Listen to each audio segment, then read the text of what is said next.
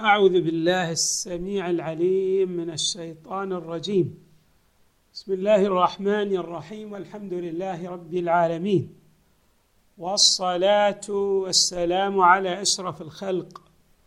سيدنا ونبينا محمد وآله أجمعين. الطيبين الطاهرين. قال الله تعالى في القرآن الكريم إن الذين كفروا لن تغني عنهم أموالهم ولا أولادهم من الله شيئا وأولئك هم وقود النار كدأب آل فرعون والذين من قبلهم كذبوا بآياتنا فأخذهم الله بذنوبهم والله شديد العقاب صدق الله العلي العظيم. قوله تعالى إن الذين كفروا لن تغني عنهم أموالهم ولا أولادهم من الله شيئا وأولئك هم وقود النار. كداب آل فرعون والذين من قبلهم كذبوا بآياتنا فأخذهم الله بذنوبهم والله شديد العقاب. الله تبارك وتعالى عندما يحذر الضالين الذين تنكبوا الجادة وساروا في طريق الشيطان يظن هؤلاء المحذرون بأن لديهم من الوسائل ما يغنيهم ما يرفع عنهم الحاجة.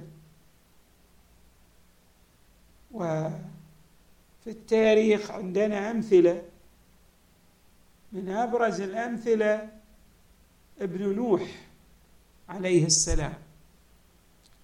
فنوح عليه السلام حذر ابنه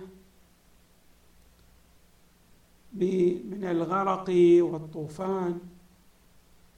ولكن هذا الابن لشقاوته قال سآوي إلى جبل يعصمني.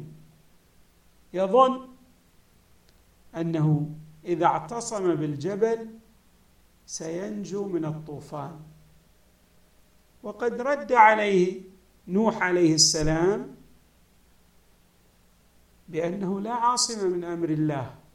الله تبارك وتعالى بيده ملكوت السماوات والأرض.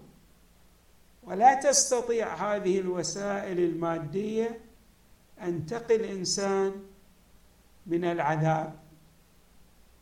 لا في عالم الدنيا ولا في عالم الآخرة.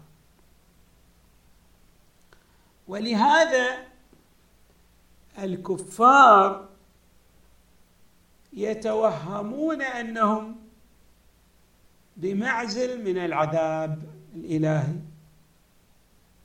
بمعنى أن لديهم الوسائل التي يستغنون بها من العذاب والعقاب الذي يحذرون منه. في الأعم الأغلب. الإنسان يظن أن المال يغنيه ولا يحتاج إلى الأمور الأخرى لأنه بالمال يستطيع أن يصل إلى ما يبتغي خصوصا إذا توافر لهذا الإنسان الصحة فهو ينظر إلى أن الحاجة التي يحتاجها تكمن في المال وحده.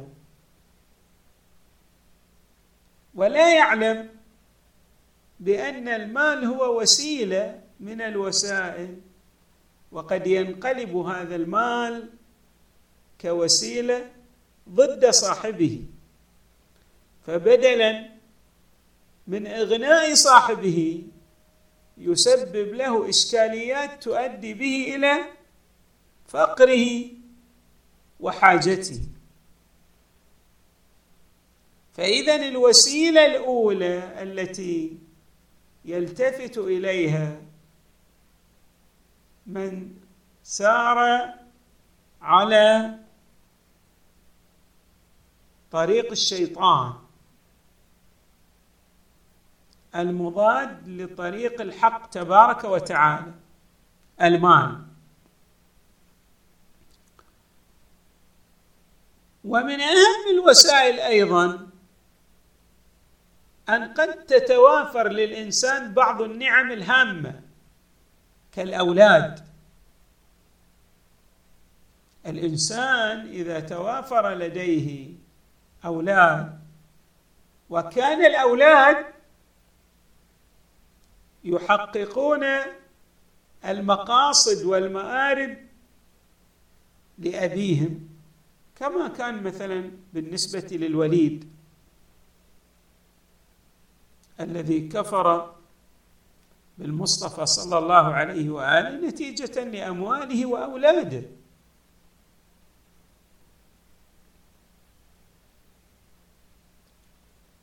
اذا الأولاد لهم التأثير الكبير في امتداد نفوذ الإنسان من ناحية وإغنائه من ناحية أخرى. بمعنى أنه يرى أن هؤلاء الأولاد يحققون له الدفاع عن شخصيته. والذود عنه وإيصاله إلى ما يريده. كما يستغني الإنسان بالأموال كذلك يستغني بمن يعينه من الأفراد. وأهم مصداق المعاونة من الأفراد تتأتى من لدن الأقربين كالأولاد. عادة الأولاد هم الذين نعم يحققون المقاصد والمآرب لآبائهم. الله تبارك وتعالى يبين لنا في هذه الآية المباركة أن العذاب الإلهي إذا حل بمن يعذب سواء أكان في الدنيا أو في عالم الآخرة ولكن في خصوص عالم الآخرة لن يستغني الإنسان بأمواله ولا بأولاده. بمعنى لا يشكلان حاجزا عن وقوع هذا الإنسان في عذاب الله. وهذا يتجلى بشكل أكبر وأعظم في عالم الآخرة. ولكن الأمر أيضا يتحقق في عالم الدنيا. ولذلك نحن نجد أن الإنسان قد الله يعطيه الأولاد. بل ويعطيه الملك. ولكن ذلك الملك وسعة النفوذ لا يحققان لهذا المعطى شيئا. أي لا يغنيانه ولا يدفعان عنه الضرر الذي سيحيق به. من هنا الله تبارك وتعالى يؤكد على أن الإنسان لن يستغني لا بأمواله ولا بأولاده عن العذاب لأن العذاب إذا وقع وحل به خصوصا في عالم الآخرة لا يكون للمال ولا للأولاد التأثير الحاجز والمانع عن وقوع هذا الإنسان في العذاب. إن الذين كفروا لن تغني عنهم أموالهم ولا أولادهم من الله شيئا. وأولئك هم وقود النار. ليس فقط لا يستغنون بل في الحقيقة هؤلاء هم الوقود للنار. يعني ما تتقد به النار ما تشتعل به النار ما يصبح لها أوار. كيف؟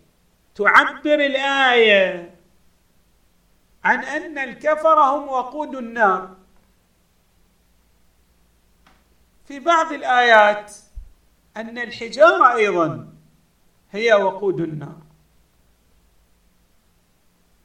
ونحن لا نعرف كيفية اشتعال النار بهؤلاء الكفار. لأن أسرار عالم الآخرة لا نحيط بها علما.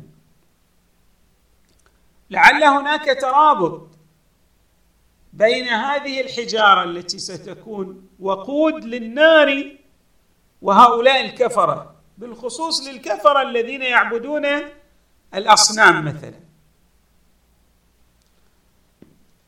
ويمكن أن لا يكون هناك ارتباط بل بمعنى أن النار تشتعل ولها أوار بالأحجار وكذلك تشتعل ولها أوار بهؤلاء الكفرة. هم وقود النار. اذا اتضح أن هؤلاء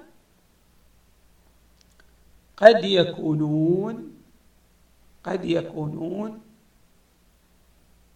أشبه بالمادة أو بالشرط الذي يتحقق به أوار النار واستمرار وقودها بهؤلاء الكفر ثم أن الحق تبارك وتعالى يدلل على أن المسألة في عدم إغناء الأموال والأولاد.